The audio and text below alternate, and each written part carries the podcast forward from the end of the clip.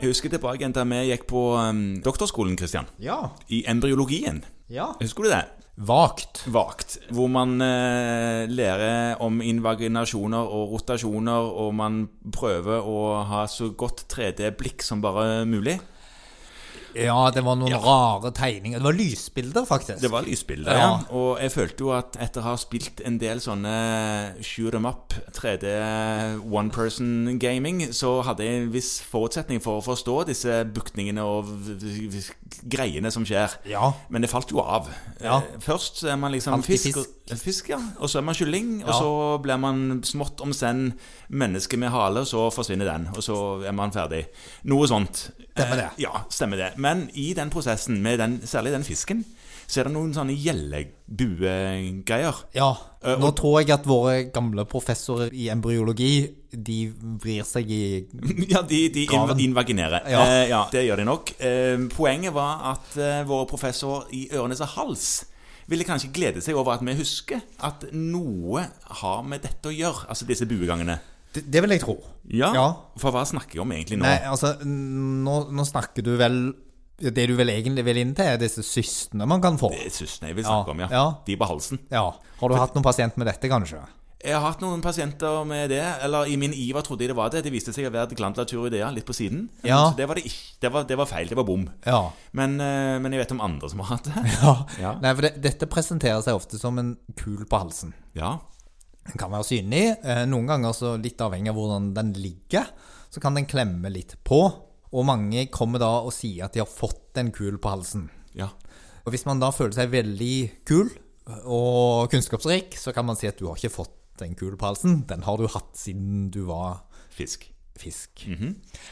Den har bare vokst. Ja. Og det ligger poenget, for det, er særlig disse laterale halshystene som vi snakker om her, så vokser de gradvis gjennom livet, og så presenterer de seg på et eller annet tidspunkt.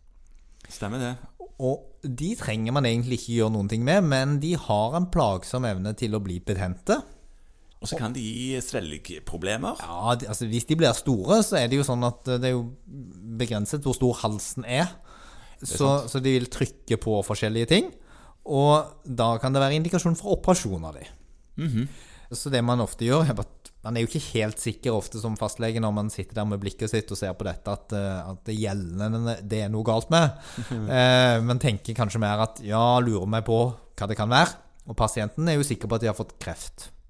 Absolutt. Ja. Det, er jo, det er jo bekymringen. Alltid. Ja, så da må man ofte ta en eller annen form for radiologisk undersøkelse. Kan godt begynne med en ultralyd. Der viser jo syster ofte kjempefint. Ja. Og da får du kanskje til svar at dette er en typisk lateral halssyste. ja, og hva gjør man med det da? Nei, hvis den ikke er til plage, så prøver man å holde seg litt unna. For det er jo de fleste, Det kommer sikkert an på hvilken kirurg du spør, men, men mange av de vil jo ikke operere uten at det er noen god grunn til det. Nei. Men hvis den er veldig skjemmende, eller hvis de går med en sånn veldig følelse av volumoppfyllning hele tiden, eller hvis den blir betent og vond, så får man henvise til en øre-nese-halslege, og så kan de vurdere å operere elendigheten ut. Ja. Da er man kvitt problemet. Kan, man, kan man drenere det òg? Sånn ultralydveileder? Mon tro? man tro. Du, det har jeg ikke hørt at noen har prøvd på. Jeg vil tro at den systen da bare popper ut igjen, Ja. sånn som mange sånne syster gjør.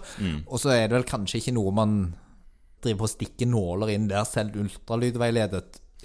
Ja, man skal se litt bedre hva man holder på med, kanskje, sånn at man ikke pirker borti ner... Der er en del nerver som går på halsen. I det- der er jo og det. Kar og Noen sånn. pasienter kan jo bli hese av disse herne, fordi at de på en måte får en påvirkning av disse nervene som går til stemmebåndet. Så Mhm.